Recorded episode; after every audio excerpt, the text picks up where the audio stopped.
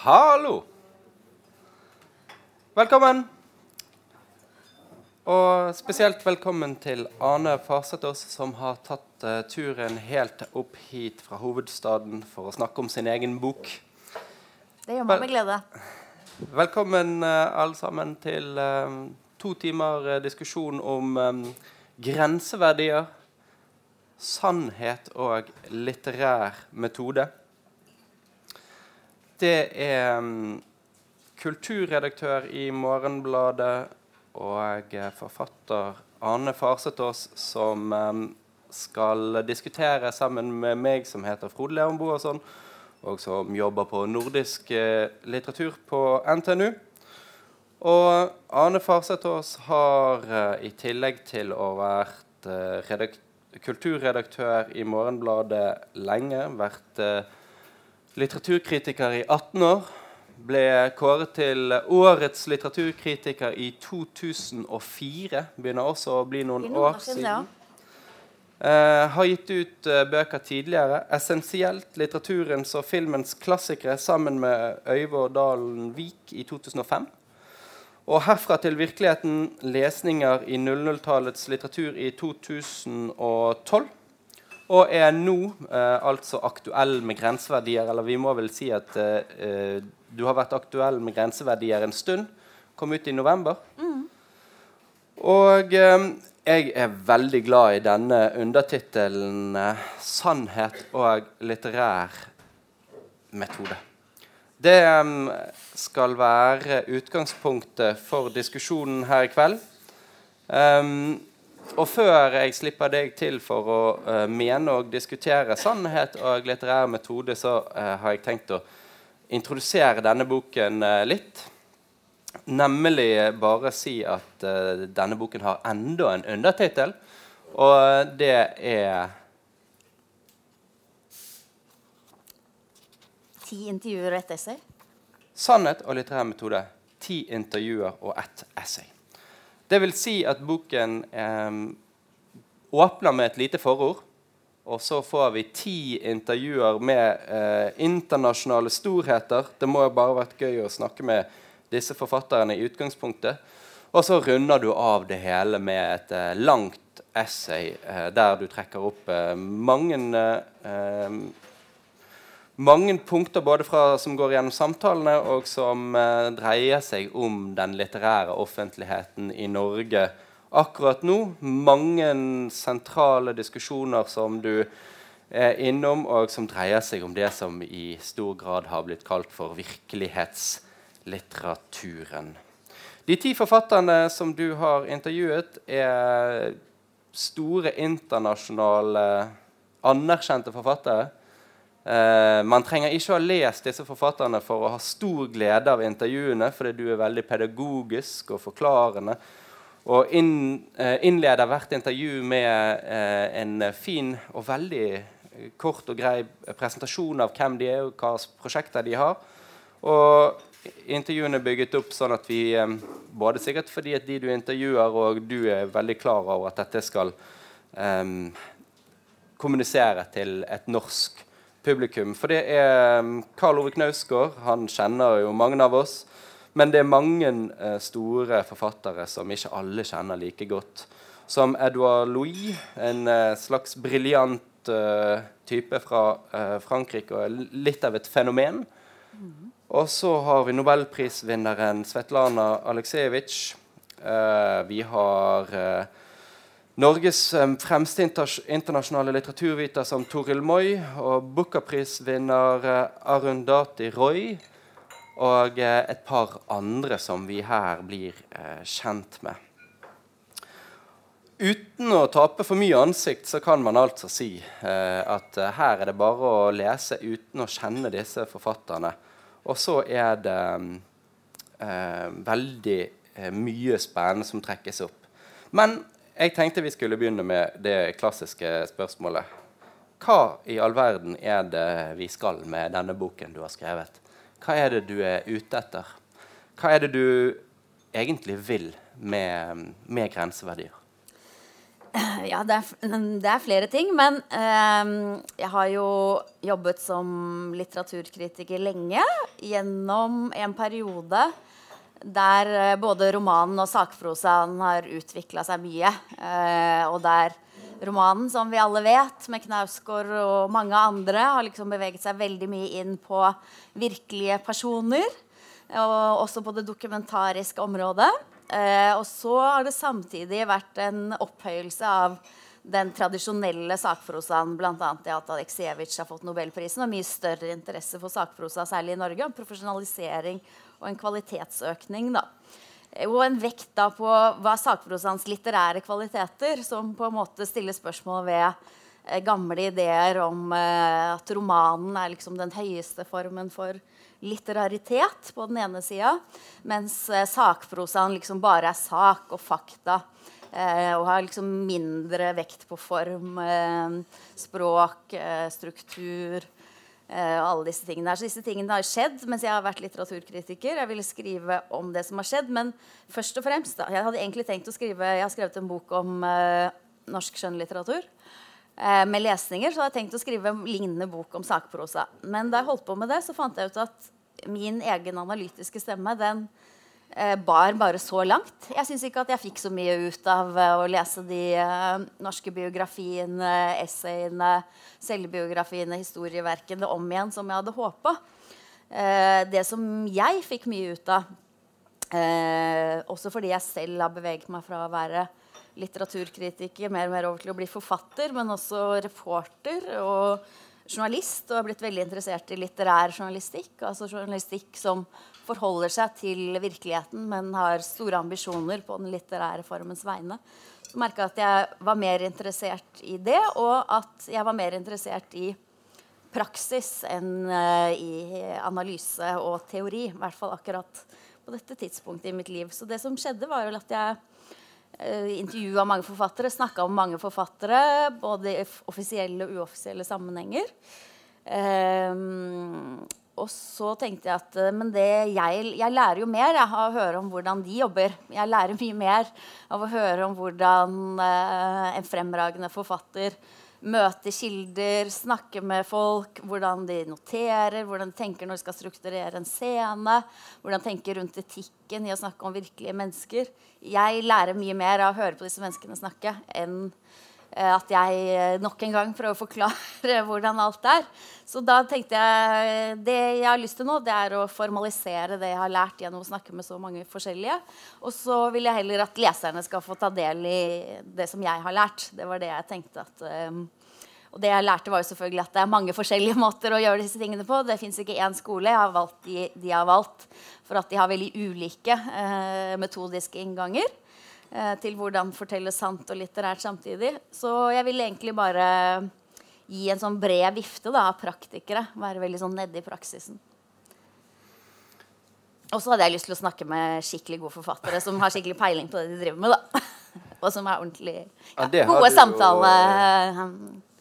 gode samtalepartnere.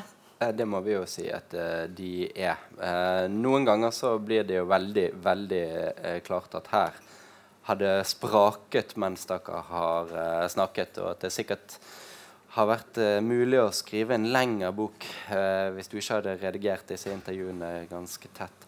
Men det vil si at på en eller annen måte så er utgangspunktet her at romanen, eller skjønnlitteraturen, har nærmet seg sakprosaens domene, mens sakprosaen har fått et løft og i innledningen din, eller det forordet ditt, da, som uh, um, du plasserer boken innenfor, så, så ser, du, ser, du, norsk litterær offentlighet, og da på en måte både sakprosaen og journalistikken og oss på litteraturvitenskapen og uh, særlig forfatterne, uh, og sier at OK, um, hvordan står det til med norsk sakprosa? Um, er det noen som egentlig er opptatt av den? Altså, for blir man litt truffet. Nei, det er faktisk ikke så veldig mange som har vært opptatt av den. tydeligvis. Og så sier du ok, vi står i Norge midt imellom. Um, vi har en sterk uh, tradisjon i um, Øst-Europa, Russland, og så har vi en kjempesterk anglo-amerikansk tradisjon. La oss nå uh, forsøke Eller mitt inntrykk er at du også ønsker her også, på en måte, la oss forsøke å bygge opp en norsk litterær sakprosa. Hvor blir det av de som kan uh, noe om dette? Mm. Jeg har også et uh, slags aktivistisk mål med boka. Det må jeg innrømme, selv om jeg kanskje ikke fremstår som en sånn stor revolusjonær. eh, men eh, jeg ønsker jo eh, at man skal få økt den mest ambisiøse delen av sakprosaen. Den som er mest ambisiøs eh, i form, men også i innhold. Eh, for det er mye god og konvensjonell eh, sakprosa her til lands. Masse fin historieskrivning og, og mange gode biografier, for så vidt. Eh, men det jeg kanskje savner litt, det er at de aller beste forfatterne, eller de mest ambisiøse, også skriver over mot det som forplikter seg til virkeligheten. Da. For jeg mener jo at det er vi, vi eh, i, vårt, i vår, vårt, land så er det en veldig sterk romantradisjon. Uh, en veldig sterk skjønnlitterær tradisjon. Det er veldig naturlig, fordi vi har så sterke skjønnlitterære institusjoner. Eh, og så har vi en journalistisk tradisjon som er veldig sånn eh, litt firkanta, litt konvensjonell. Eh, den forholder seg veldig til sånn dagsavis nyhetsparadigme. Eh, men det vi har ganske lite av, det er det man kaller liksom langformjournalistikk. Den mer ambisiøse, tenkende, tvilende, språklig utfordrende journalistikken. Så særlig dette med den litterære journalistikken det ligger meg veldig varmt om hjertet. Da. Og for å få til det så tenker jeg at uh, man trenger noe inspirasjon. Man kan se på ulike måter som andre gjør det på. Det er sånn jeg selv føler at jeg lærer noe. Um, og så er det noe med å se at disse folkene som driver med det, de, sånn, de, driver ikke med noe sånn helt annet. De er ikke sånn langt borti der. Altså, de er også vanlige folk, og de må også utfordre De, de møter de samme problemene. Mm. Så nå har jeg kilde. Jeg er usikker på om vedkommende snakker sant eller ikke. Usikker på hvor mye jeg kan bruke. Usikker på om det er rett å bruke det vedkommende sagt. Etisk. Er det vanskelig? Altså alle disse tingene. Det er de samme tingene som man møter uansett hvor man er. Ja, vi, vi, skal gå inn i en del av de eh, punktene som du trekker opp, som særlig institusjonen. Altså den norske, eh, den norske litterære institusjonen, både forlag og eh, forfatter- og eh, stipendordninger og en, hel rekke sånne ting som eh, er nærliggende. Så skal vi eh, også komme litt inn på um, romanen, absolutt. Men i utgangspunktet så tenker jeg det, det, det som du da tegner det, det vi har tradisjoner som er viktige på hver vår side av oss. Eh, hvor er norsk litterær sakprosatradisjon? Hvorfor eh, mangler den? Men fremst, først og fremst, da, hvorfor, hvorfor i all verden er det viktig? Altså, det er, hvorfor trenger vi eh, ambisiøs litterær sakprosa? Har du ikke lyst til å lese noe som er eh, sant og virkelig, da? Som speiler verden uh, fra ulike perspektiver? Har du ikke lyst til å lese gode historier som også uh, ikke er funnet på, som ikke bare er diktet opp? Har du ikke lyst til å lese bedre historier enn det du kan lese i Dagbladet og VG? Jo, ikke gode historier som du kan lese i New Yorker jeg... eller Atlantic, men på norsk og fra vår virkelighet. Men da kan jeg jo bla opp uh, Vigdis Hjorth eller Knausgård eller andre som nå er blitt merket med virkelighetslitteratur? kan jeg ikke? Da får du vite noe om uh, Karl Ove Knausgårds syn på verden. Eller mm. et uh, diktet univers som Vigdis Hjorth har diktet. Men du får ikke vite noe om uh, samfunnet for øvrig utover disse menneskene. Så det, det gjør det jo for så vidt. men det er jo da i en uh, romanform, da. Men de er ikke De mest ambisiøse forfatterne i vårt land har tradisjonelt ikke vært sånne som går ut, oppsøker andre miljøer, oppsøker andre historier.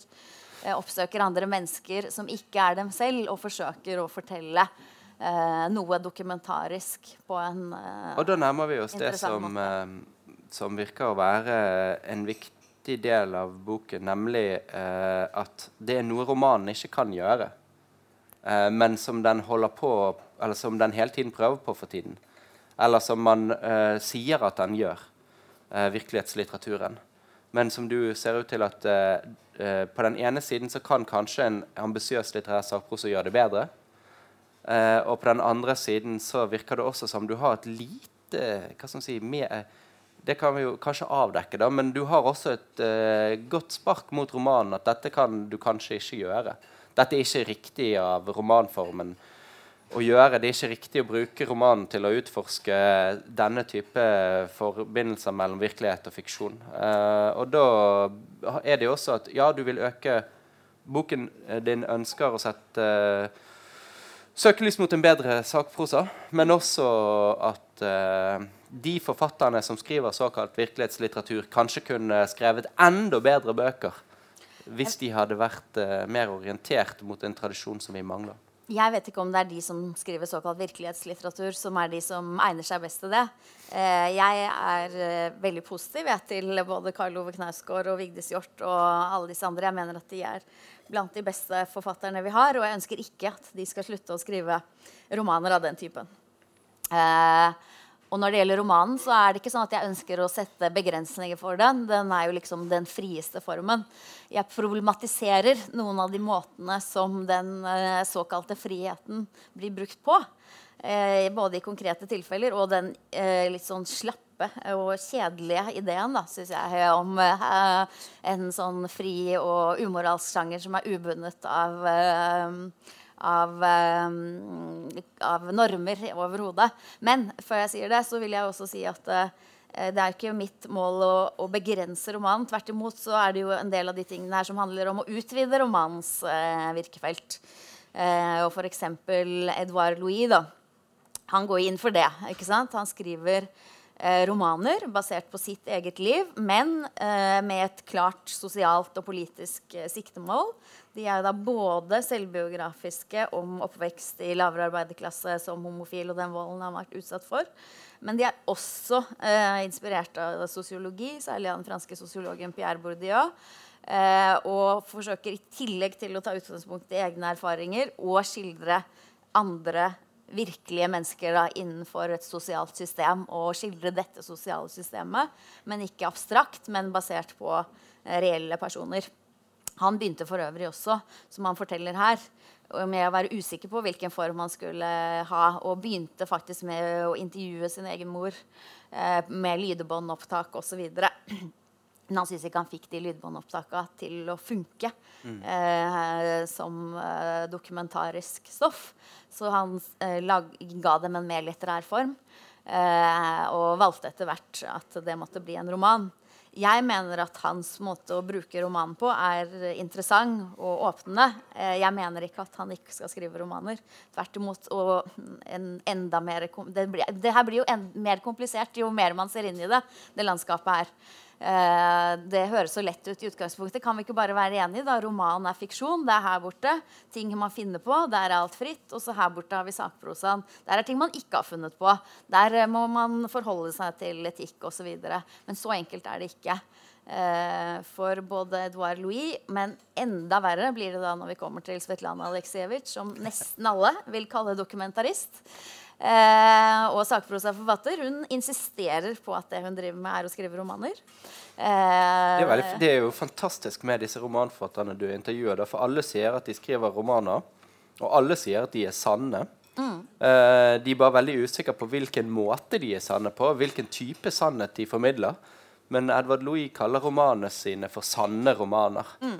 Uh, og uh, Aleksejevitsj hun uh, insisterer på, hvis hun som du skrev eller får frem i intervjuet, hvis hun liksom blir tatt for å være en dokumentarist, så det, det kan du bare glemme. Bare glem det. Det er det aller siste hun sier, er at hvis man ikke gjør det sånn som jeg gjør, hvis man ikke fortetter språket og ser etter det fortetta uttrykket, da blir det bare journalistikk. Og det er da opplagt at hun mener at det er et skikkelig dårlig ord. da. Ja. Det er forferdelig. Og det er det jo lang tradisjon for. Særlig den eh, norske sammenhengen som ja. du her påkaller. da.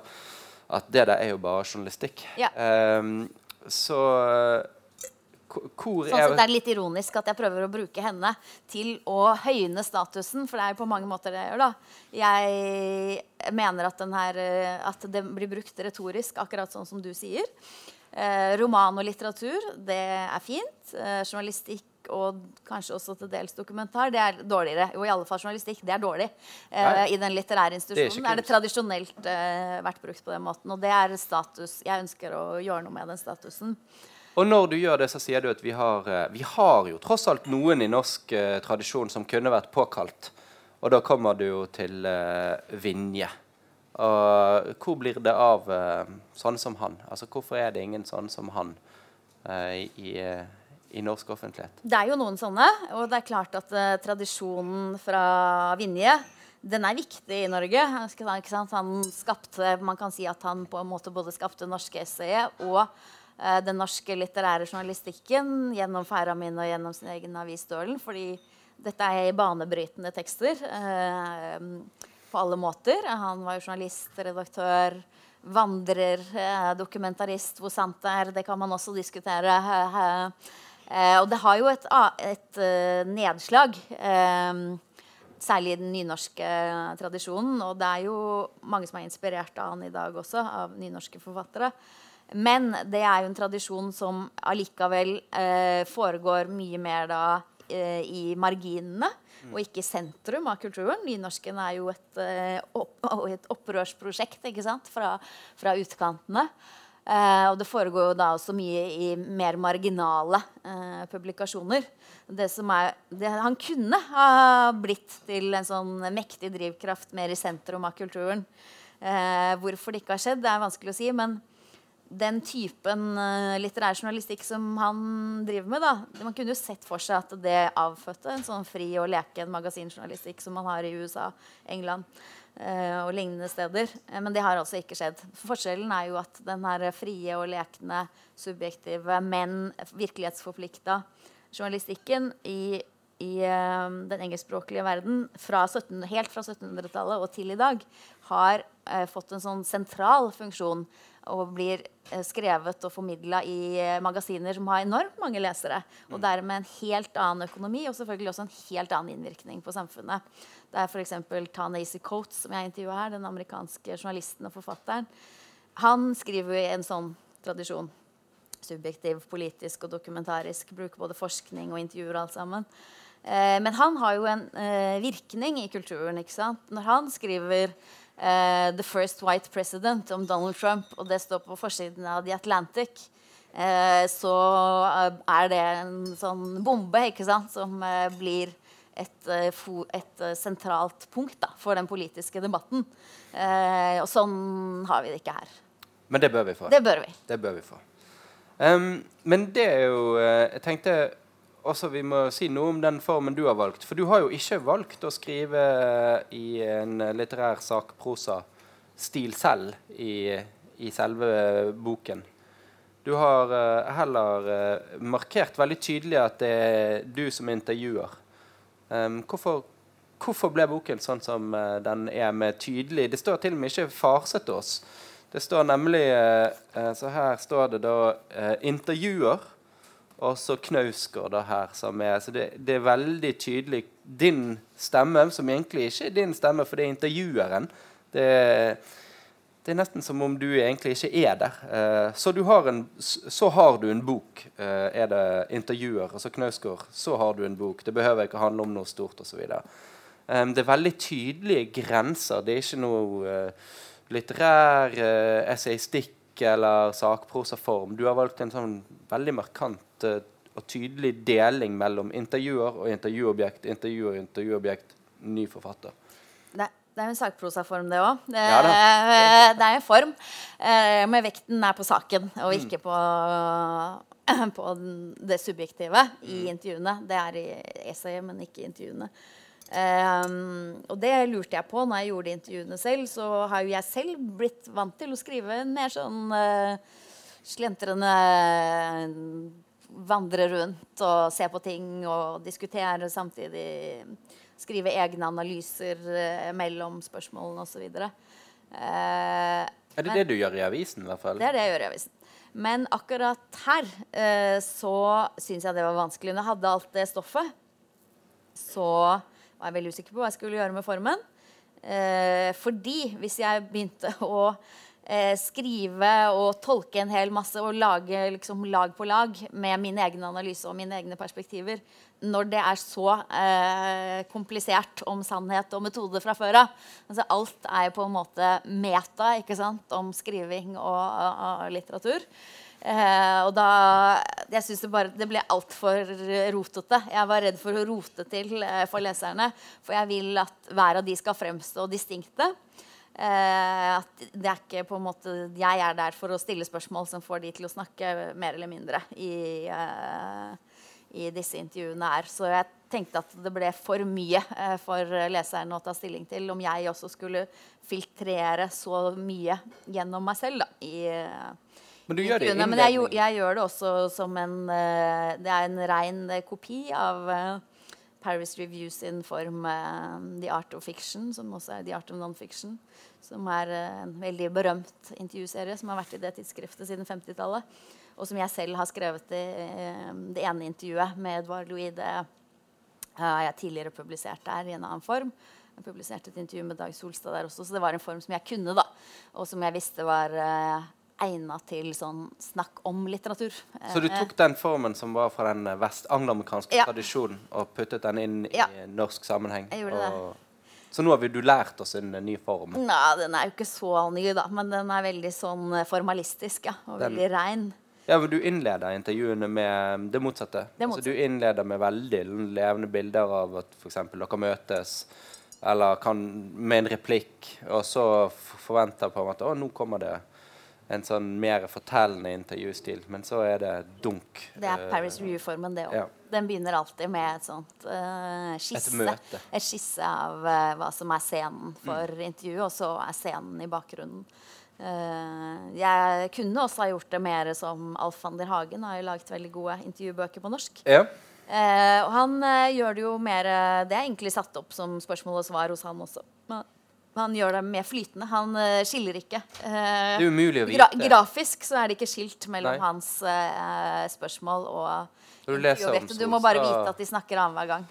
Det er ingen grafisk. eh, Nettopp. Så det, uh, i, I hans intervjubøker, som jo på, må vel sies å har gjort noe nytt med, med intervjusjangeren i norsk sammenheng, så går det jo ikke an å, med mindre du konsentrerer deg vilt, eh, hvem som sier hva i Solstad-boken eller uh, Askildsen. Og det er nettopp det som er mitt poeng med den formen her. I og med at jeg ikke har én person, men ti hovedpersoner, så vil jeg ikke at alt skal gå over i hverandre. Altså Alt kan ikke gli over i å være delvis meg og delvis en annen. De må prøve, jeg må forsøke at de er Og dette passer jo godt til prosjektet ditt som handler om uh, sannhet uh, og eh, virkelighet og forpliktelse.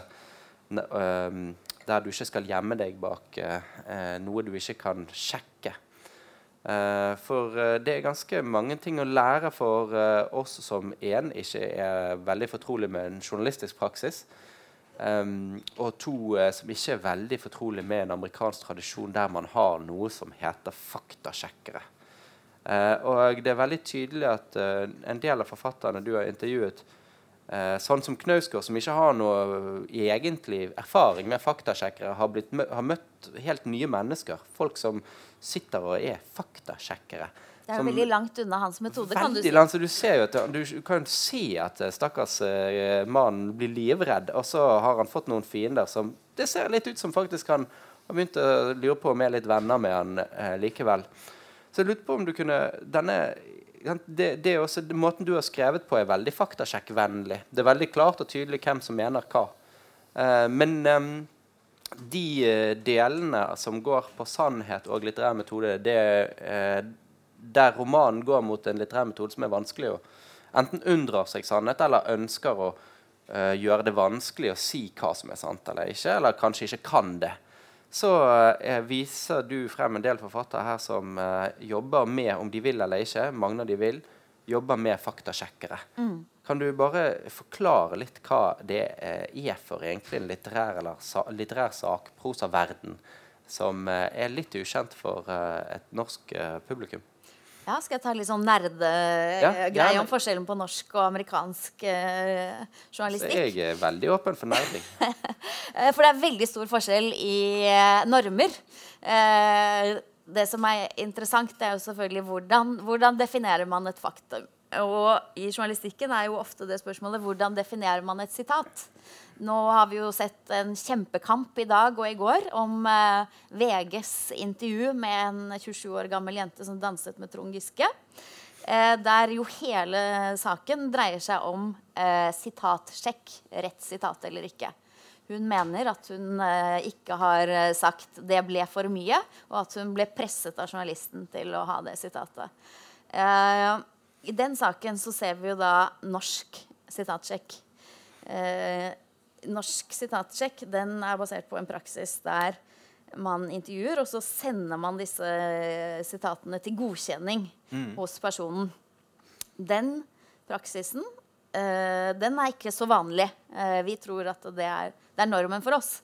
Men det er bare normen her. Eh, disse normene er helt forskjellige forskjellige steder. Det er ikke noen grunn til at det er måten man gjør det på. Eh, tvert imot så kan man si at en grunn til at det antageligvis har blitt på den måten, er at norske journalister er kjent for å være så dårlig til å gjengi sitater at det ikke fins tillit. Ikke sant? At det fins ikke tillit eh, hos de intervjuede til at det de sier, blir gjengitt riktig. Der, derfor har vi fått dette. Er, Det står ikke nedfelt noe sted. Det er ikke noe norm. Det fins ikke noe lov. Det er en praksis eh, for å skape tillit. Eh, mens i amerikansk journalistikk så er dette helt altså Det ville vært helt krise. Du ville antageligvis fått sparken hvis du jobbet i New York Times og gjorde dette. Det er helt forbudt å sende ut sitater. Eh, det som derimot skjer der, det er at eh, hvis du blir intervjuet av en amerikansk journalist i New York Times eller lignende, så er det en annen person, altså ikke journalisten selv, som eh, leser saken, og så da gjennomgår sånn type fakta. Sånn kan det stemme, bruker andre kilder da, til å kan det stemme at Frode er så og så mange år gammel, at han kommer det bruker de andre kilder til. Så ringer de til deg, eh, en annen person, ikke journalisten, og leser opp dine sitater. Leser opp, ikke sender ut. Eller de, de gjør ikke det engang. De sier ehm, de sier, uh, Ane, Ane sier at uh, dere var på Sellanderå den kvelden. Stemmer det? Ane sier at uh, du drakk en rød brus. Stemmer det? Og hvis jeg da sier nei, jeg drakk en gul brus da må vedkommende gå tilbake til Da blir det notert. Nei, den var gul. Eh, OK, ja, kan du si noe mer om det? Den var gul, ja. Det blir litt mer spørsmål om dette. Gå tilbake til journalisten. Frode sier uh, han drakk gulbrus. Eh, Stemmer det, eller skal vi endre til gul? Eh, da må vi ta en diskusjon på det. Så det er en veldig møysommelig prosess, og den går på helt sånne Du blir alltid spurt om helt sånne De må jo bruke ufattelig med ressurser på dette. Og Ufattelig det er jo eh, Det er fins ikke ressurser til i Norge. Nei. Ikke sant? Men det er også noe som eh, man reelt da Jeg har jobbet i USA og vært på utveksling der i amerikanske medier. Og det er jo sånn at denne praksisen, som er veldig berømt, og veldig sånn som man ser på film, og sånn, den er i store mediehus og i store magasiner. Men den fins ikke i eh, mindre magasiner og i typiske kulturmagasiner. F.eks. i Paris Review. Der fikk jeg jo beskjed om at eh, nei, nei, nei, glem det. Altså, det er et godt sitat. Det er så lenge du kan få han til å være enig i at uh, det er et godt sitat, så er det ikke så farlig om han sa det eller ikke. Eh, så det, det er liksom nerdeforklaringa på faktasjekken. da. Ja, fordi, fordi eh, I f.eks. Knausgård-intervjuet, som eh, sier at han bruker seg selv som filter for hva som er sant. All, så lenge han føler at det er sant, så er det greit. Ja. Uh, og denne mannen kommer og skal skrive for The New York Times. Og hva skjer? Det ringer fullt av faktasjekkere og sier ehm, etter denne teksten så skal du bo der og der, og huset ditt er brunt. Huset mitt er grønt. Uh, så sier de Knausgård, huset er grønt. Hæ? Men jeg husker at det var brunt. Ja. Ja. men det er grønt. Ja, men det kan ikke stemme, for jeg sier at det er brunt.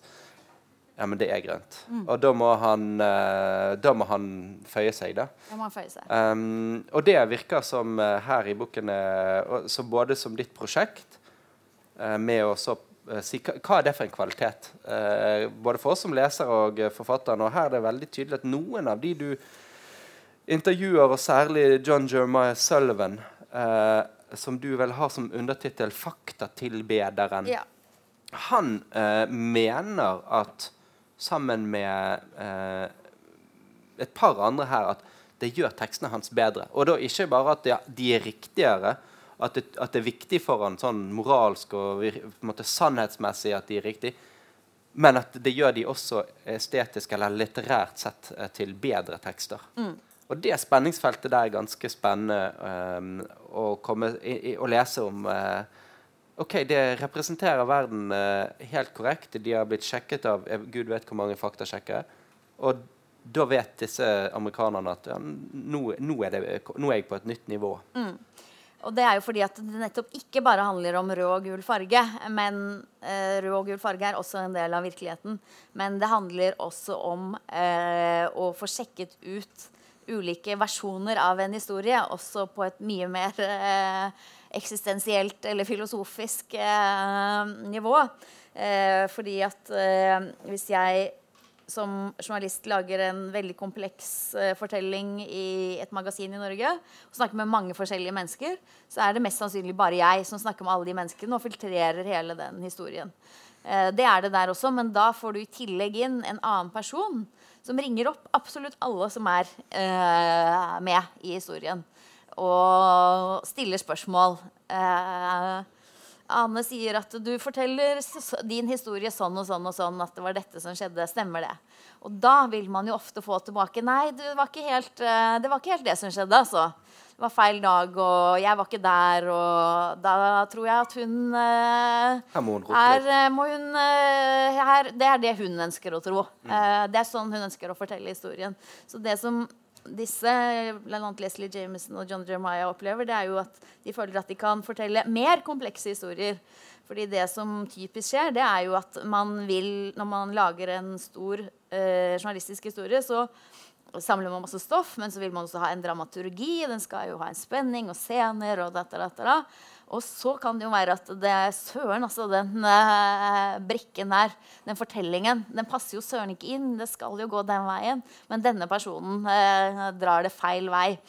Uh, og det som de snakker om, det er jo nettopp hvordan historien kan bli mer kompleks, rikere og dermed sannere, fordi den speiler et rikere utvalg av versjoner av en historie. da. Leslie Jameson hun snakker om at hun prøver å la alle personene i en historie har piler som ikke bare peker i én retning. Altså Alle må få lov til å være mer komplekse enn at eh, de bare har dette ene eh, enlinja fokuset som med nødvendighet måtte lede til at historien slutta på denne og denne måten.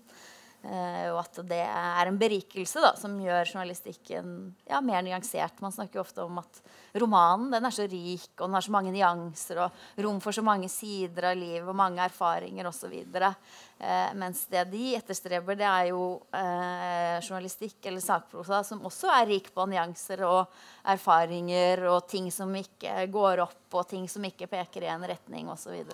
Ja, og så er det noe med at denne eh, tradisjonen som du virvler opp i disse intervjuene, ser ut til at det som vi ofte forventer som ulitterært, eh, ser disse på som noe som skaper bedre litterær konstruksjon eller bedre litterære grep ved sin um, sakprosa. Mens vi på en måte tenker mer sant, eller nå sier jeg vi tenker, men det er lett for å falle ned i en tankegang om at uh, jo, jo, mindre faktasjekk, jo mer uh, fri litteratur.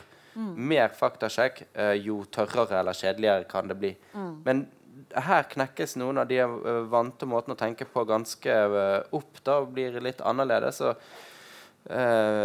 jeg tenkte vi skulle ta Det står i forbindelse med ett punkt til som vi kan ta før vi skal ta en liten pause. nemlig det at det settes i spill, eller det kommer frem to og kanskje tre eh, ulike lesekontrakter som du eh, skriver en del om, og som eh, du diskuterer med disse forfatterne en del. Så Begrepet lesekontrakt Romanen setter frem eller spiller opp én lesekontrakt, sakprosaen en annen.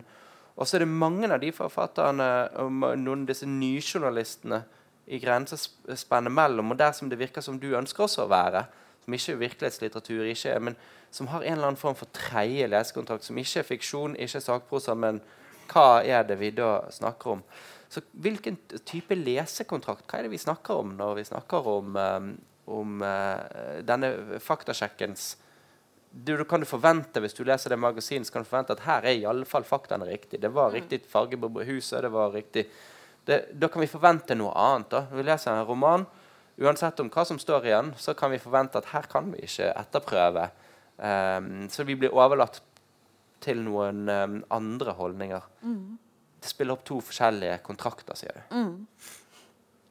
Hva er en lesekontrakt? Ja, hva er det vi da eh, snakker om når vi snakker om en lesekontrakt? Det er jo akkurat det du sa nå. Du brukte ordet forventninger, og det er det jeg tenker at det er. da. Det er eh, hvilke forventninger som du med rimelighet kan møte teksten med. Og hvordan eh, den som presenterer teksten, eh, skaper den forventningen. da. Eh, når du eh, åpner Når du har denne her, her, det er også en papirtekst, så er det en lesekontrakt her om at det som står inni her, det må eh, være etterrettelig til virkeligheten. Og hvis det viser seg at uh, et av de intervjuene her inne er med en oppdiktet person, så er det helt krise. Sant? Da har, da har vi brutt forventningene, og hele dette produktet her det mister troverdighet. Så det er, det, er det som skjer i VG akkurat når du går ut og beklager og dette skulle ikke skjedd? Ja, jeg tror ikke hele VGs troverdighet står og faller med det ene halve sitatet fra den ene journalisten. Men det er klart at det er det som er forventningen, og det er det som er lesekontrakten. Til denne boka så er det også en forventning og en lesekontrakt at det er ti intervjuer og et essay. Mm. Hvis det viser seg at uh, jeg aldri var i North Carolina og aldri traff John Romaya Sullivan, men bare har dikta opp hele greia, så skuffer jeg forventningene og får lite uh, troverdighet. ikke sant? Mens en roman, som du sa, da, er jo forventningen, da kan forventningen være alt. ikke sant? Forventningen er jo Eh, tradisjonelt Dette er oppdiktet. Men det er jo det noen av disse jobber med. da, Og jobber litt mot den forventningen om at det er oppdiktet. Eh, Men noen av disse, uh, uh, og særlig uh, Gate Lease og Duff Dyer og sånn, er jo nyjournalister Hva skal du kalle de som har vært opptatt av å gjøre det motsatte? Mm. Er det, er, det, er ikke så viktig om denne nyhetsartikkelen egentlig er sann. Det er min, det er min opplevelse av verden. Mm. Så de utfordrer lesekontrakten. Ja, ikke, nå er um, Gator Lees han var da med på å finne opp uh, nyjournalistikken på 60-tallet sammen med bl.a. Uh, Norman Mailer. da. Uh, han vil jo ikke si at det, han mener jo at sannhet er kjempeviktig. Uh, og kommer jo fra en tradisjonell journalistisk metode. Men det de fant på som var helt nytt, det var at de ville at Og igjen da, så har vi dette med status, som er veldig interessant å høre om fra 60-tallet. fordi hele greia det var at de syns at novellene i de magasinene. Sant? De var så flotte. De hadde så høy status. Novellen i New Yorker den var fantastisk. Journalistikken var dritt, ja. syns de òg. Eh, det var dårlig journalistikk, og det var så kjedelig. Har du noen forbilder? Ja, forfattere? Ja. Noen journalistiske forbilder? Nei, ikke i det hele tatt. Så de ville at uh, journalistikken som de skrev, skulle bli like god som novellene. Igjen har vi dette med status, men også heve kvaliteten. Og måten de ville heve kvaliteten på, var da å lære virkemidlene fra novelle- og romanforfatterne. Men dog uten eh, å ofre etterretteligheten. Iallfall på papiret. Mm. Eh, I praksis så har det jo blitt sånn at den metoden som eh, de lagde, eh, som nemlig var da å dikte scener Scener driver journalistikken alltid med, men også dikte scener inni hodet på folk. Eh, det er jo den mest kontroversielle delen av nyjournalistikkens praksis. Og det som jeg synes var, det er jo noe som man diskuterer den dag i dag. ikke sant? Som med Åsne Seierstad, f.eks. Bokhandleren i Kabul den har jo slags sånn eh, pseudonyjournalistisk grep. da, Ved at den går inn i hodene til eh, disse menneskene i Afghanistan. Og da sier Åsne Seierstad jo, det gjorde jeg fordi at jeg har jo bodd sammen med dem, og jeg har intervjua dem og snakka med dem. Og det er derfor jeg kan si at uh, hun hadde ikke lyst på det ekteskapet. Eller hun var lei seg etter den. Uh, fordi det har de fortalt meg. Og så bestred de at de hadde fortalt henne det. ikke sant? Så det, det, det der kan ikke du si om hva jeg opplever. Eh, men det var jo en sånn snill versjon av det som, eh, det som Gaute Lees holdt på med. Og jeg syns det var gøy å, å, snakke med henne om hva er det der, hva gjør du da når du dikter deg inn i noens hode. Han har en veldig berømt tekst som heter 'Frank Sinatra Has a Cold'. Den blir undervist over hele verden eh, på journalisthøyskoler over hele verden og er kåret til liksom, beste eh, magasinartikkel noensinne. Eh, og den er kjempeberømt fordi han har aldri møtt Frank Sinatra noensinne. Men han har hengt med alle rundt Frank Sinatra i flere måneder og intervjuet 75 personer. Og på det grunnlaget så lager han da scener om hvordan Frank Sinatra er, og også hvordan han føler seg når han er forkjøla, for da er han dritirritert, for da kan han ikke synge.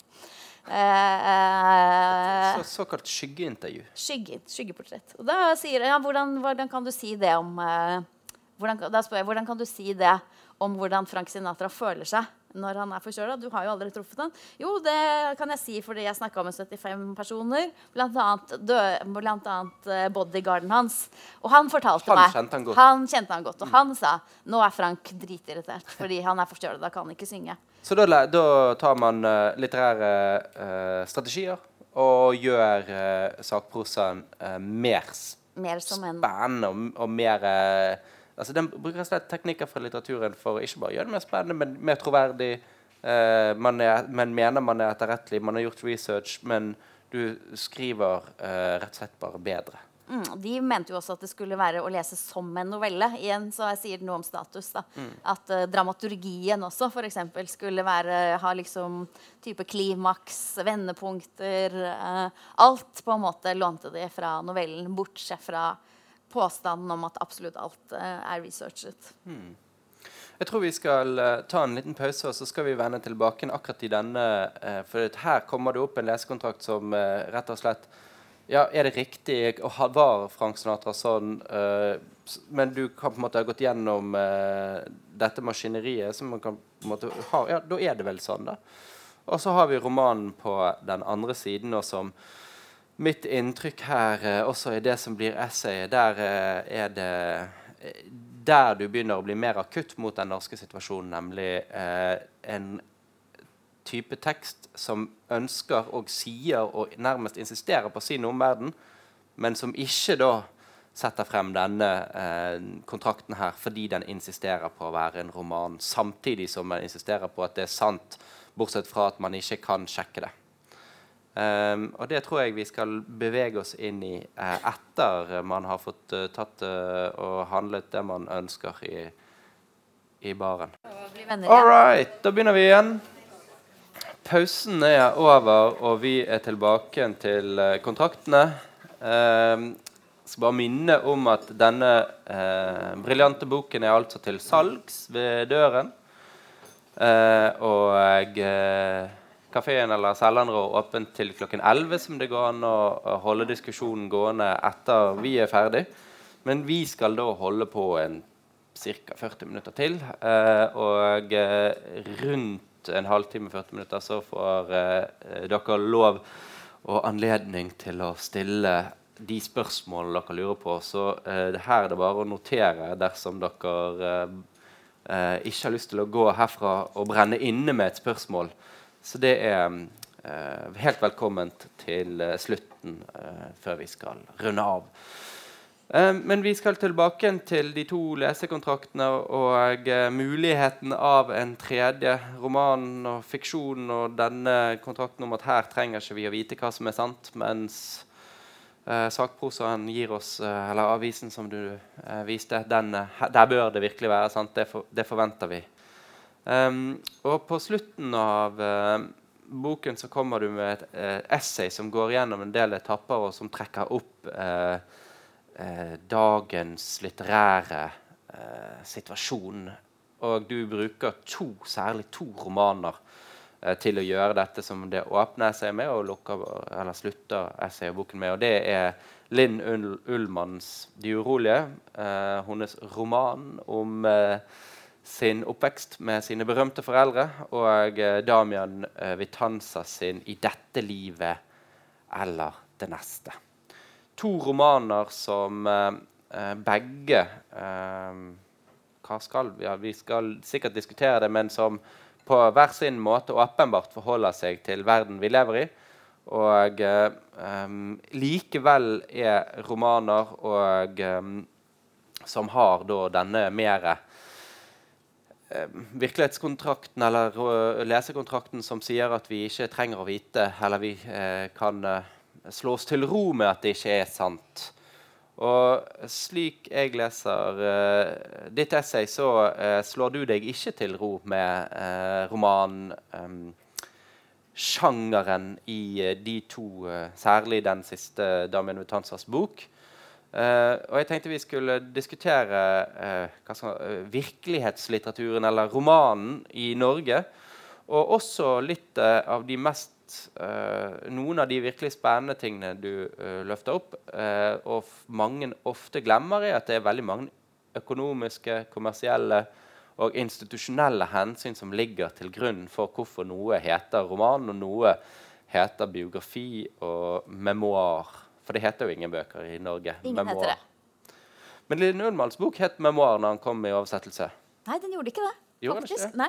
den ble utgitt som en novel i, i USA nylig. Eh, men eh, grunnen til at jeg har tatt for meg disse to romanene, da, det er jo at det er to, jeg synes det er to veldig gode bøker. De er eh, veldig interessante i sitt forhold til virkeligheten. Eh, men det, grunnen er jo at uh, Linn Ullmanns uh, bok den grenser, det er en roman, grenser mot memoaren. Uh, Demian Vitanzas bok er også en roman, grenser mot dokumentaren. Uh, min tese er jo at grunnen til at vi får så mange sterke verk som forholder seg til virkeligheten, og som heter romaner, det er ikke sånn at de burde forbudt å gjøre det, men at det har mye høyere status. Det tjener man mer penger på, samtidig som det er en mye eh, en sjangerbetegnelse eh, som eh, gjør at man ikke må forholde seg så mye til ytre krav om etterrettelighet. Så det er tre fordeler på en måte ved å, velge roman. Eh, og jeg mener jo da at romansjangeren står så sterkt i Norge at hvis man ser på det historisk, da, så er det sånn at uh, Og det, vi må også tenke på at sånn som vi har det her, det er ikke den eneste måten som ting kan være på. Uh, og det er det bare, Jeg vil bare ha litt sånn fugleperspektiv på at uh, det er ikke sånn at alt naturlig. Det er ikke naturlig hvordan disse sjangergrensene er. Det er kulturlig og formet og alt dette her. så som du sier, det utgis så å si ingen memoarer i Norge. Eh, hvis man har et personlig stoff som er sterkt, og man er en ambisiøs forfatter, så er det altoverveiende sannsynlig at man former dette stoffet til en roman. Og jeg mener jo ikke at det bare er mekaniske merkelapper og sånn, og at uh, Linn Ullmann derimot bare kunne ha byttet merkelapp og alt disse tinga. Det kunne hun kanskje ikke, fordi at når hun først har valgt roman, så legger jo det sikkert noen føringer også på at hun f.eks. lar seg selv dikte opp mer enn hun ellers ville gjort. Uh, men uh, igjen, da, hvis man ser på den amerikanske litteraturen, eller den engelskspråklige, eller den franske for den del, uh, så har alle disse litterære tradisjonene mye flere verk som er, er høylitterære, og som er memoarer. Altså litterære tekster som sier at de forholder seg til den sanne virkeligheten, men som samtidig er litterære. Og memoaren står jo i en slags sånn særstilling når det gjelder sannhet. Eh, fordi Eh, den eh, forholder seg til virkeligheten, men det er opplagt en subjektiv og personlig virkelighet. ikke sant? Eh, sånn at den har på en måte litt mindre etterrettelighetskrav enn hvis man skriver om noen andre. Fordi våre minner, hvor sann, sannferdige er de? Det er på en måte et et rom da, for at memoaren eh, innebærer eh, sterke elementer av subjektiv tolkning.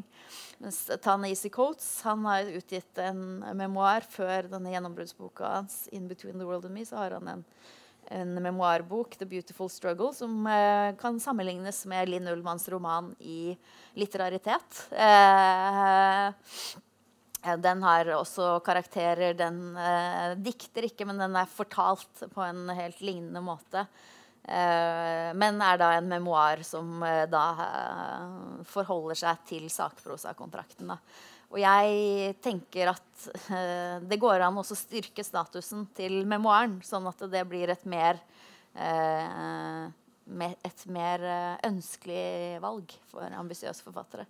Så det handler om status å øke statusen til en ny sjanger. Og også for um, Finnes det jo Hvis du kaller det en roman, så uh, blir den jo distribuert på en annen måte. Ja. Det har vel også noe å si for at store forlag ønsker at man vil kalle det en uh, roman og ikke en memoar. Absolutt. Eh, og Linn Ullmanns bok er jo helt i en særstilling fordi hun jo nettopp ikke legger skjul på at dette er hennes foreldre. ikke sant? Hun har et bilde av seg selv med sin berømte far på forsida. Eh, hun gir dem ikke navn, men hun gir oss nøkkelen der. Eh, selv om de ikke har de navnene, så gir hun leseren en nøkkel, så hun kan ikke etterpå si nei, du, eh, jeg må ikke komme her og grafse og tro at det er meg og pappa. Eh, fordi det, det, kan hun på en måte ikke si da, når hun har valgt å avbilde seg selv av faren på uh, oppslaget. Altså. Så hun spiller jo et sånn interessant spill med romanen. Uh, Klart at Hvis du også legger til at det Ingmar Bergman er tross alt uh, om ikke den viktigste, så blant de aller viktigste filmregissørene man har sett. Så med et stort publikum så er det jo klart at å ha bilde av han og seg selv på forsiden eh, gjør nok noe. Og det som skjer da du mener her er det spill med kontrakten? For det er det du ser er Bare et, et mildt spill med kontrakten, ja. Men i Demen Vitanzas bok, som handler om Syria-fareren Ishak, som er blitt til Tariq, og som har reist um, fra Halden til, til, Syria og kommet hjem igjen, blitt dømt Vi kan lese side opp og side ned i pressen og dommen. og Han intervjuer denne syriafareren og utelater seg selv. Som, uh, ingen av spørsmålene står i romanen. og det er denne fortellingen til Tariq som er romanen. Uh, mens forlaget som du her, her har du jo en, uh, en, sterk kritikk. Forlaget sier at dette er en sann historie, men det er en roman. Mm. Og det synes du ikke er greit?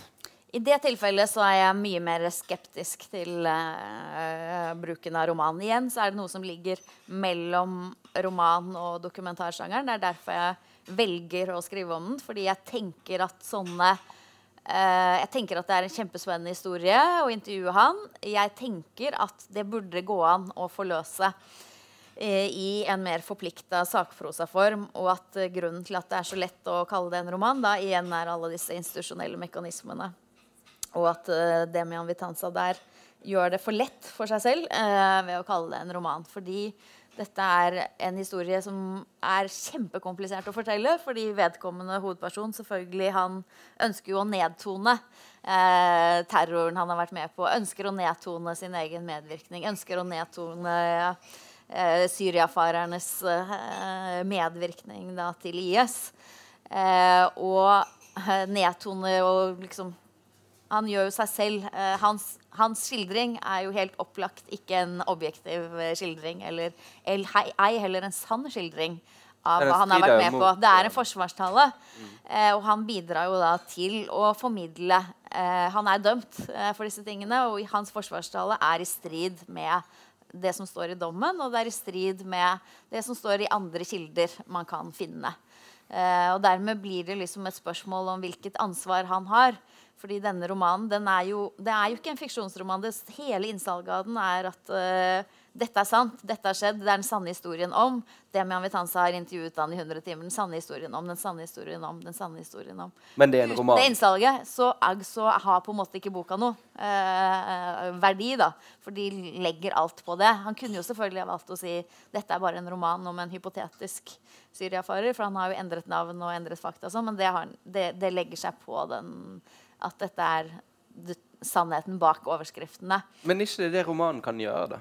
Altså romanen Ikke det som er den muligheten den har til å fortelle en historie som ikke nødvendigvis kan være etterrettelig. For ordet du bruker, og som er gjengangen her, er etterrettelighet. Og at sakprosaen skal være etterrettelig. Eh, og legger du en eh, roman til eh, så tett på den virkeligheten, så unndrar den seg etterrettelig og så sier du uh, forfatteren gjør det da for lett for seg selv. Og Da begynner det å bli veldig uh, spennende, ikke bare med ett et enkelteksempel, men hva er det vi uh, anser at romanen skal være? Gjør det for lett for seg sjøl? Altså, er ikke det et pluss at romanen kan utforske andre steder som nettopp ikke trenger å svare for etterrettelighet? Eller er det sånn at vi kan bare si at alt det som ikke er sant, er roman, og dermed så blir det en sånn uh, stor sekk her som, som nettopp uh, ikke kan være sakprosa, fordi vi ikke, vi ikke kan etterprøve det. og Da kan vi bare kalle det en roman. Da, da, jo, da, bør, da bør romanens status virkelig bare Fordi at uh, Det er jo ikke så veldig spennende for en sjanger å si at ja, ja, men det vi ikke kan si, er sant. Det, det kaller vi romanen. Men er det det som står på spill, eller er det her eh, For det Damien Vidanza har sagt etterpå, er at denne syriefaren ville aldri snakket til meg hvis han måtte gjøre det under eh, ekte navn. Det ville aldri blitt en fortelling. Denne fortellingen sier noe særlig til det norske folket som ikke vet noen ting om eh, bakgrunn. Og, som, altså han sier at dette, dette, ville aldri vært en historie eller en fortelling hvis den ikke får eh, fiksjonsform. Um, men har ikke fiksjonsform. Den har bare romanform, men ikke fiksjonsform.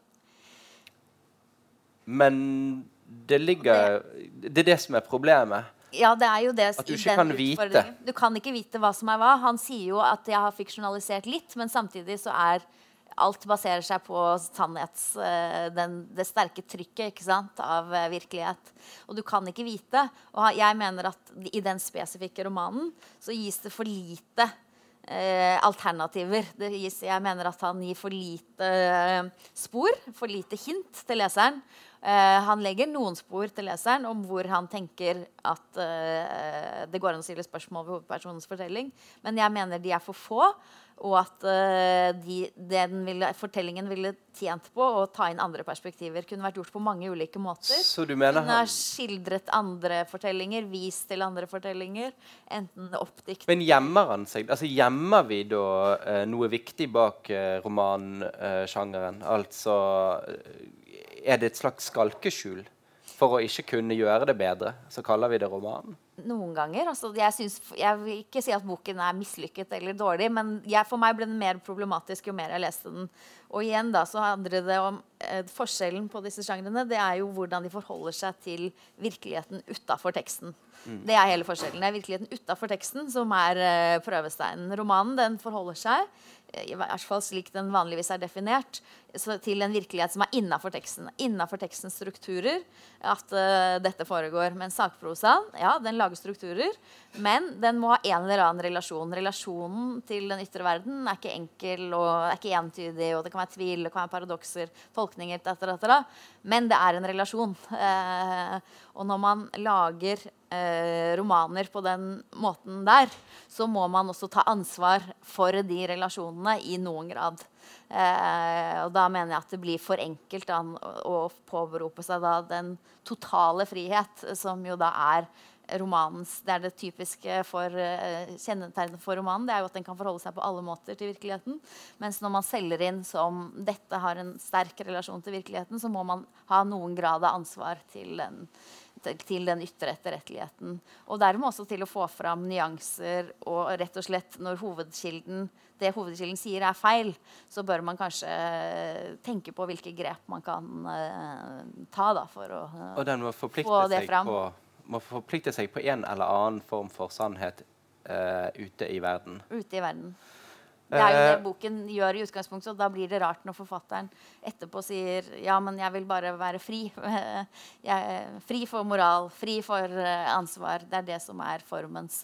Og jeg tenker at det kunne ha vært en god roman. F.eks. Uh, Dave Eggers har laget en slik journalistisk dokumentarroman om en flyktning fra Sudan.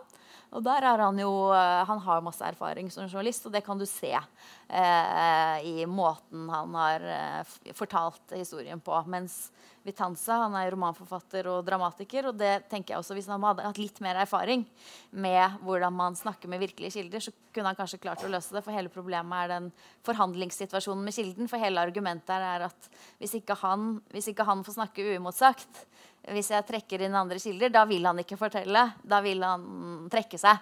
Mm. Eh, mens med mer erfaring så kunne man kanskje fått løst den forhandlingssituasjonen. Det er jo ja. det at han synes å bli et gissel av uh, hovedkildens uh, ønske ene, om å fremstille seg selv på en bestemt måte. På den ene siden så ønsker vi jo, i hvert fall jeg, da, at romanen skal være et fristed.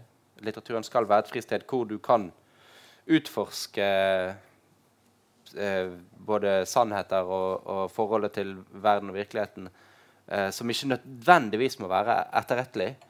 På den andre siden så er det klart at hvis eh, det blir en unnskyldning for å unnslippe etterrettelighet, f.eks. Eh, av typen 'jeg kan ikke verifisere det', eh, og jeg ønsker ikke, eller jeg har ikke muligheten, det vil koste for mye, så blir det en unnskyldning å sette roman eh, fremfor noe annet. Og da gjør vi det Du gjør vi kanskje ikke roman eller litteraturen noe særlig god tjeneste, for da får du nettopp eh, det spørsmålet om at ja, ja, men hvis det bare er eh, dikt og forbannet løgn, så det, angår det ikke meg. Så da må du vel uh, her uh, tenke inn nettopp det du nevner, da, forholdet mellom estetikk og etikk. Um, og sånn som du skriver i, i essayet ditt, så beskriver du uh, når du leste Linn Ullmanns bok første gang som en roman, og så dro du til um, uh, fore, hvor den foregår, og så ser du at her er det jo dette altså Det å oppsøke denne verden uh, gjør boken enda sterkere. Den gir i hvert fall en ny, nytt meningslag. Det å på en måte faktasjekke romanen gjør den til en kvalitet. Litt sånn som Sullivan sier i intervjuet, og Jameson er opptatt av at det ikke er faktasjekkerne er ikke fiender, men allierte. Eh, og Hvis jeg forstår deg rett, så mener du at den romanen tjener på at du ser at den er etterrettelig? Den taper i hvert fall ikke noe i troverdighet på at den siden eh, viser seg å være sann. Da. Der bodde jeg i det huset som blir skildret. Og absolutt hver eneste ting eh, som er synlig i romanen, er synlig i det virkelige huset. Og alt med miljø, mennesker og historier, til og med historier som blir fortalt rundt på stedet. er det. Så det romaner kan også ha troverdighet og ikke troverdighet. er mitt poeng. Det er ikke sånn at uh, troverdighet er noe som utelukkende gjelder fortellerstemmen i sakprosa. Så dette er jo noe som man ikke Det er ikke nødvendig, men det er ikke noen ulempe eh, når man først har eh, oppdaget det at eh, her snakker vi om en troverdig forteller. Uh, vi aner jo ikke om det betyr at troverdigheten til minner og sånn er like stor, men det er klart at det styrker troverdigheten til fortellerstemmen. Men umyndiggjør man romanen når man sier um, at det spiller ikke så stor rolle om det er sant eller ikke? Ja, jeg syns det. Eh, altså, hvis det er utgitt som en fiksjonsroman, så har det ikke det noe å si. Men eh, hvis den kommer med en påstand om å ytre seg om verden utafor, så har det jo noe å si for troverdigheten. Det har det. Jeg mener at eh, det er å umyndiggjøre romanen, ja. Uh, å si at uh, det skal være den eneste sjangeren der på en måte det at det at du sier at den har et forhold til virkeligheten, ikke gjelder allikevel. hvis du først sier det. Sånn som Dette er min historie. Dette er sånn det var. Dette er sånn det var. Hvis det, hvis det, er påstanden din når du utgir en roman, så må du på en måte tåle innestå for det. da. Selv om du kaller det en roman aldri så mye. Da, det har med troverdighet å gjøre. ikke sant? Ja, det, må vil... en, en, det, må være et, et, et, forhold mellom det man påstår at det er, så da vil etterrettelighet, sannhet, virkelighet, eh, moral, ja. etikk være også innebakes i den litterære, litterære kvaliteten. da. Ja. Det er ikke bare, Du kan ikke bare velge å si at det er sånn du husker det. eller det var sånn. Du må sjekke det litt mer opp da, for at dette skal bli en god roman. Hvis du skal hevde at dette er en roman med Så Vitanza kunne godt skrevet uh, denne boken basert på denne fortellingen, men han burde kommet med en motstemme? da? Det det Jeg du, mener det at han ja. burde ha gjort det tydeligere. fordi når man sjekker da når man da begynner å sjekke opp mot andre historier, så begynner det å bli problematisk. Da begynner det å skurre for meg. Eh, du kan lese da Erlend Ofte Arntzens bok. Det er samme person er med, men der er det dokumentarisk. Der er det basert på eh, fakta og kilder. Og da, da blir det veldig vi, annerledes. Ja, men den boken vil vi kanskje ikke lese, for den er ikke så Nettopp, underholdende. den er ikke så underholdende. Og jeg Hvis du først leser romanen, og så får du et Jeg syns det var dødsens kjedelig første gangen jeg leste den. Og så syns jeg den var kjempespennende andre gangen jeg leste den. For nå hadde jeg jo blitt kjent, syns jeg, med Tariq ikke sant? Mm. gjennom Demian Vitanzas bok. Og dermed så var jo den plutselig kjempeåpnende. Nettopp fordi Men da må jo romanen være vellykket. Da må jo romanen være vellykket. Den har fått deg til å fått deg til å virke og handle i verden. Jeg mener At disse bøkene sammen, de tre bøkene som jeg leser sammen, Erlend Loft Dungeons dokumentarbok, mm. som er utrolig godt researchet og forteller enormt uh, mange vesentlige fakta om de norske syriafarerne. Og Åsne Seierstads to søstre, som også er dokumentarisk og forteller bare veldig sånn på én familie. Og denne her romanen til Vitanza sammen er utrolig rike. Eh, problemet er at bare Vitanzas bok alene den burde vært beriket med en eh, mer, eh, mer eh, kilder fra virkeligheten eller andre perspektiver som setter hovedpersonen mer i relieff. Ja, som eh, litteraturviter så er jo eh, vi selvfølgelig bombet med virkelighetslitteraturdiskusjonen. men det som plager meg, eh, er jo eh, jeg, altså, er litt usikker på om romanen er så enkel som du fall, Om ikke du gir inntrykk av, så jeg i hvert fall kan få inntrykk av. Når leser din, uh, den har jo nettopp den at den tatt ut intervjusituasjonen. Vi som lesere må stille spørsmål. Det er opplagt at uh, den intervjueren er misfornøyd noen ganger med svarene han får og ikke får. Uh, mens problemet er i stor grad med denne diskusjonen vi har her, ikke så ofte romanen i seg sjøl som måten forfatterne snakker om dem på. Um, for så sa jo Vitanza, skriveren, at han ikke vil ha en moral. Vi, vi, må, vi må løsrive litteraturen fra moralsk vurdering. Uh, det, det, angår ikke etikken. Og da, da, da, er det jo klart at det, ja, men da er det helt irrelevant å lese disse bøkene. Altså Hvis de ikke har med moral og etikk å gjøre, Uh, hvis vi skal uh, sondre mellom, skarpt mellom det estetiske og det uh, etiske, så er det jo ganske uinteressant å lese disse bøkene. I, for i boken er det, opplever det jo som forhandler masse etiske spørsmål hele tiden. Det er en del av vurderingen og leseopplevelsen. og Uh, og så kommer forfatteren og sier at vi skal løsrive oss fra dette. Og det, da blir det da, da, blir det det du sier, altså bare si at det er en roman. Den forholder seg ikke, trenger ikke forholde seg til verden. Da er det en unnskyldning. da.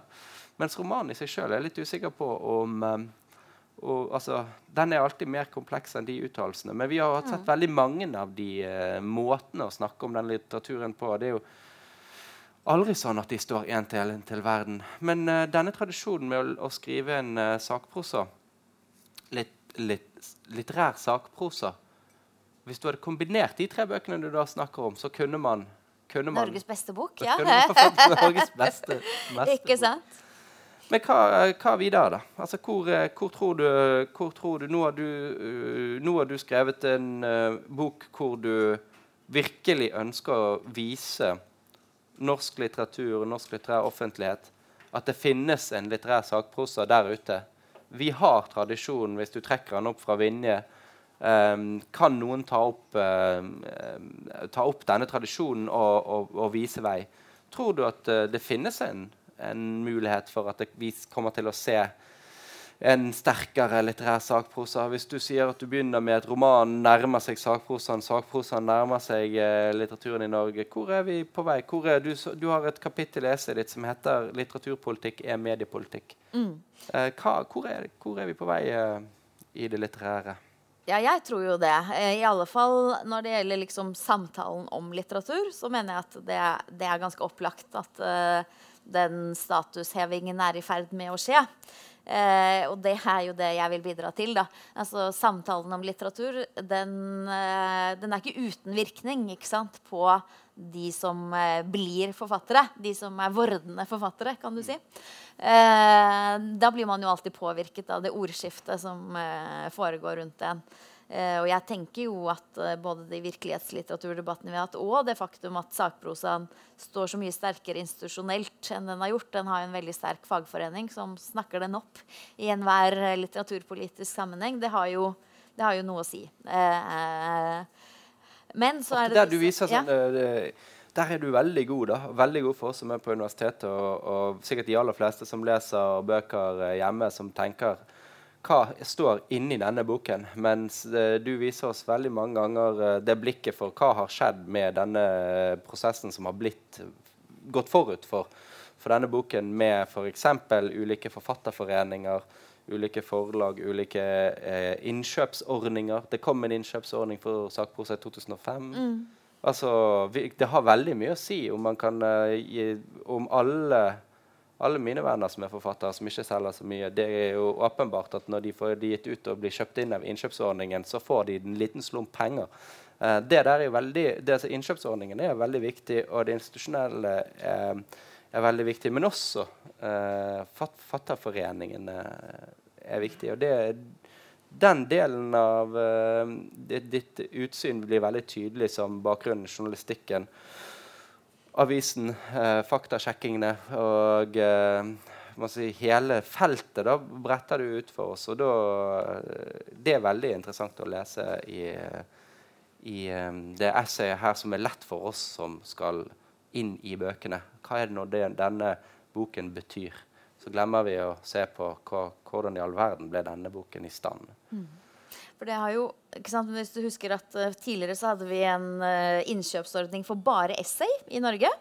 Og selv om det ikke er så mye penger, så er det akkurat sånn som du sier, at uh, hvis man vet at man får penger for det, der, da er det ganske mye mer motiverende å skrive sånn. Og det gjorde at vi fikk ganske mye av en bestemt type essayistikk, nemlig litterær essayistikk, der skjønnlitterære forfattere begynte å skrive mye essayistikk om uh, litteratur, og det er den essayistikken vi har. Og jeg mener at det er ganske klart at det skyldes at uh, vi hadde den innkjøpsordningen som gjorde det da uh, mer opportunt å gjøre det ved siden av det skjønnlitterære forfatterskapet enn noe annet. Så sånn sett så former det jo valg som blir tatt. Uh, og i og med at vi har en sånn kjempesterk støtteordning for skjønnlitteratur, så har vi da fått en veldig sterk og veldig god romantradisjon, som er på sitt sterkeste nå. ikke sant? Og så har vi også en kjempegod pressestøtteordning, som er helt enorm. Men den har sin begrunnelse i da eh, nyheter, ikke sant? demokrati. Det er det som er dens begrunnelse. Mens den skjønnlitterære den har språk som sin begrunnelse. Det var jo mm. sånn eh, Innkjøpsordningen for skjønnlitteratur ble opprettet. Beskytte det norske språket mot påvirkning fra engelsk. Mens eh, pressestøtten den er eh, politisk eh, fundert og fundert i liksom, hensyn til demokratiet. Men midt imellom der det er der eh, tingene liksom eh, Det skjer ikke noe. Eh, eller det skjer for lite, da. Fordi at det som er midt imellom, det som har høy litterær kvalitet, men også har disse politiske og demokratiske sidene, det har ikke noen spesiell det har ikke noen spesiell status eller noen spesiell innkjøpsordning eller noen spesielle institusjonelle mekanismer. Så det faller litt mellom? Faller litt mellom alle stoler. Og det har jo vært påpekt i masse av de kulturpolitiske utredningene har jo nettopp tidsskriftet da, vært eh, liksom sett på som eh, en arena. Og hvis vi da ser på den angloamerikanske verden da, med magasiner, så er det jo der på en måte det skjer. Det er ikke noe statsstøtte inne i bildet der. Det er jo fordi at uh, de har mektige medieinstitusjoner mm. som har ønsket å gjøre det. Men i Norge så er det jo slik at litteraturpolitikken faktisk har en stor betydning for hva som blir skapt. Dermed så er det jo naturlig at det, man ønsker å øve et press for å få en sterkere tidsskriftordning, f.eks. Og det er jo en av de kulturpolitiske tingene som er uh, på agendaen. Tidsskriftene er vel uh, de, de, som hele tiden lever, leverer de nye skribentene. Men det er klart at det, det her sondringen din mellom litterær sakprosa og, og romanen og, an, og angrepet mot uh, som, Om ikke angrepet, så i hvert fall anklagen mot romanens uetterrettelighet Uh, og Vitanza kanskje særlig, så det er vanskelig å la være å se det opp mot den uh, litt større medieoffentligheten. Uh, ikke rent så, så, så, teknisk som sosiale medier osv., men det er klart at den mediepolitiske offentligheten som også er helt åpenbart hersker nå hvor vi snakker om fake news, hvor det hele bildet i stor grad dreier seg om hva er det som er riktig og ikke riktig, og at man blir på helt individnivå utsatt for et ganske vanskelig sonderingsarbeid. Hva av disse tingene er det som er riktig? Hva kan vi stole på? Eh, jeg opplever også at du, du, er også i det landskapet der når du uh, vil sette denne agendaen her. Er det riktig? Ja, det, det må nok være riktig. Og det som er interessant her for meg, det er jo hvordan den den diskusjonen har flytta seg veldig mye på bare noen få år. Og særlig da når det gjelder dette her grenselandet. Mm. Eh, fordi for bare noen få år siden så var jo eh, altså Det er jo noen som vil hevde at det at ting blir likere, på en måte gjør at alt faller sammen. Og at det ikke er så farlig om det er det ene eller det andre, om man kaller det ene eller det andre. Eh, og en av de som er intervjua, Jeff Dyer, er jo en av de som har virkelig vært en prominent eksponent for det. Han er både romanforfatter, journalist og kritiker, og mest kjent som essayist og forfatter av ekstremt subjektive bøker. Eh, og det er ikke mange år siden at Dyers metode eh, var liksom helt der oppe eh, i et forbilde. Og Jeff Dyer han er jo en type som mener at det ikke er så farlig da, om alle faktaene er rett. Han er sånn jo, jo, men du vet, det er bare hukommelse og minne, og det er ikke så farlig. Hadde han, vi hadde han på besøk i Morgenbladet. Eh, det er det jeg innleder intervjuet med her. At uh, vi hadde han på besøk, for han er jo en stor forfatter, og så har du et helt rom fullt av journalister som er oppdratt til sånn etterrettelighet, og de får helt, uh, helt angst når uh, Jeff Dyer sier nei, du vet. For meg er ikke det så farlig om det var den uh, låta eller den låta de spilte. Det, det, har ingenting å si for meg. Det, det, om jeg har funnet på det eller ikke, det har ingenting å si. Eh, og den liksom friheten da, som han opprinnelig Hans prosjekt det var jo nettopp å frigjøre eh, den, det essayet fra én akademiske fotnoter, som han har veldig mye imot. Syns at akademisk tekst er dødskjedelig. Ja, vi altså, akademikere kommer ganske dårlig ut av mange av disse forfatterne. ja. Og særlig hos Dyer. Han ville ha en friere litteratur. ikke sant? Og var sånn, ja, men herregud, kan du ikke bare... Det er jo ikke det som er viktig. Det som er viktig, er den følelsen jeg prøver å få fram. Stemningen jeg prøver å få fram. Det er det som er sant, ikke det faktumet. Mens det er jo et syn som nå eh, fremstå mye mer problematisk sant? For, fra en person som hevder å ikke skrive romaner, men å skrive sakprosa. Så han jeg intervjua mange ganger fra 2014 til i dag. Eh, og siste gangen eh, var liksom jeg følte at jeg måtte ta kontakt med han i sommer for å liksom diskutere litt mer med han, han om han egentlig ville stå for uh, sine tidligere synspunkter. Fordi han hadde tidligere sagt til meg at uh, han syntes faktasjekk var noe tull. Eh, og ikke hadde noe Herregud, det er å kaste bort tida. og da viser det seg jo at nå så tenker jo også han litt annerledes rundt det. Fordi han ser jo selvfølgelig også verdien av at når han skal lese noe i avisa om amerikansk politikk f.eks., så har det noe å si om man stoler på at det som står der, er etterrettelig eller ikke. ikke sant? Vi kan jo ikke stole på noen ting. Politikk, jo... Vi kan jo ikke det, Og da blir vi utrygge, ikke sant? og da føler vi at vi lever i en utrygg verden. Ja, klart, men det gjør vi jo. Vi lever i en utrygg uh, verden. Men det er ikke så mange år siden vi tenkte at det var opplagt at journalistikken. journalistikken. var sann, og, og, at det som ble ytret i offentligheten, om det ikke var sant, i hvert fall forholdt seg til en ramme der det om det var sant eller ikke, ja, blir, spilte en rolle. Den blir kanskje enda viktigere at romanen skal få lov til å være usann, da? Det kan det være. Altså, jeg har ikke noe mot at romanen skal få lov til å være usann. Eh, det som jeg diskuterer her, det er bare den måten som jeg mener at romanbegrepet blir eh, brukt eh, som en slags eh, blankosjekk eh, for å få lov til å gjøre hva man vil. Da. Og at man kan eh, kritisere og diskutere den måten å bruke romanbegrepet på, som jeg mener det har vært relativt utbredt blant forfattere og forleggere. Eh, så kan enkelte romaner være eh, gode, men jeg vil at man skal ta litt mer eh, ansvar enn å bare kaste det ut når man det du vil, har en bedre som i intervjuet med Toril Mai kommer veldig tydelig frem, der dere diskuterer veldig stor grad det å være en intellektuell. og du vil rett og slett ha et høyere intellektuelt nivå når man diskuterer romanen og forholdet til uh, roman og, og etterrettelighet, sannhet, enn det vi har sett i offentligheten i det siste. Ja, den er jo i ferd med å bli stadig skarpere, da, i og med virkelighetsromandebattene. Ja. Så har det jo det gått fra å være ganske enkelt og litt dumt til å bli blir, Vi blir bedre. Vi, vi blir, blir, bedre. jo mer utdannet. Nå blir vi i hvert fall uh, bedre etter å ha lest denne. Er det noen som har uh, spørsmål til oss eller til Arne? Helt sikkert. da sier vi uh, takk for oss, tror jeg. Det gjør vi. Tusen takk for at dere kom. Veldig hyggelig.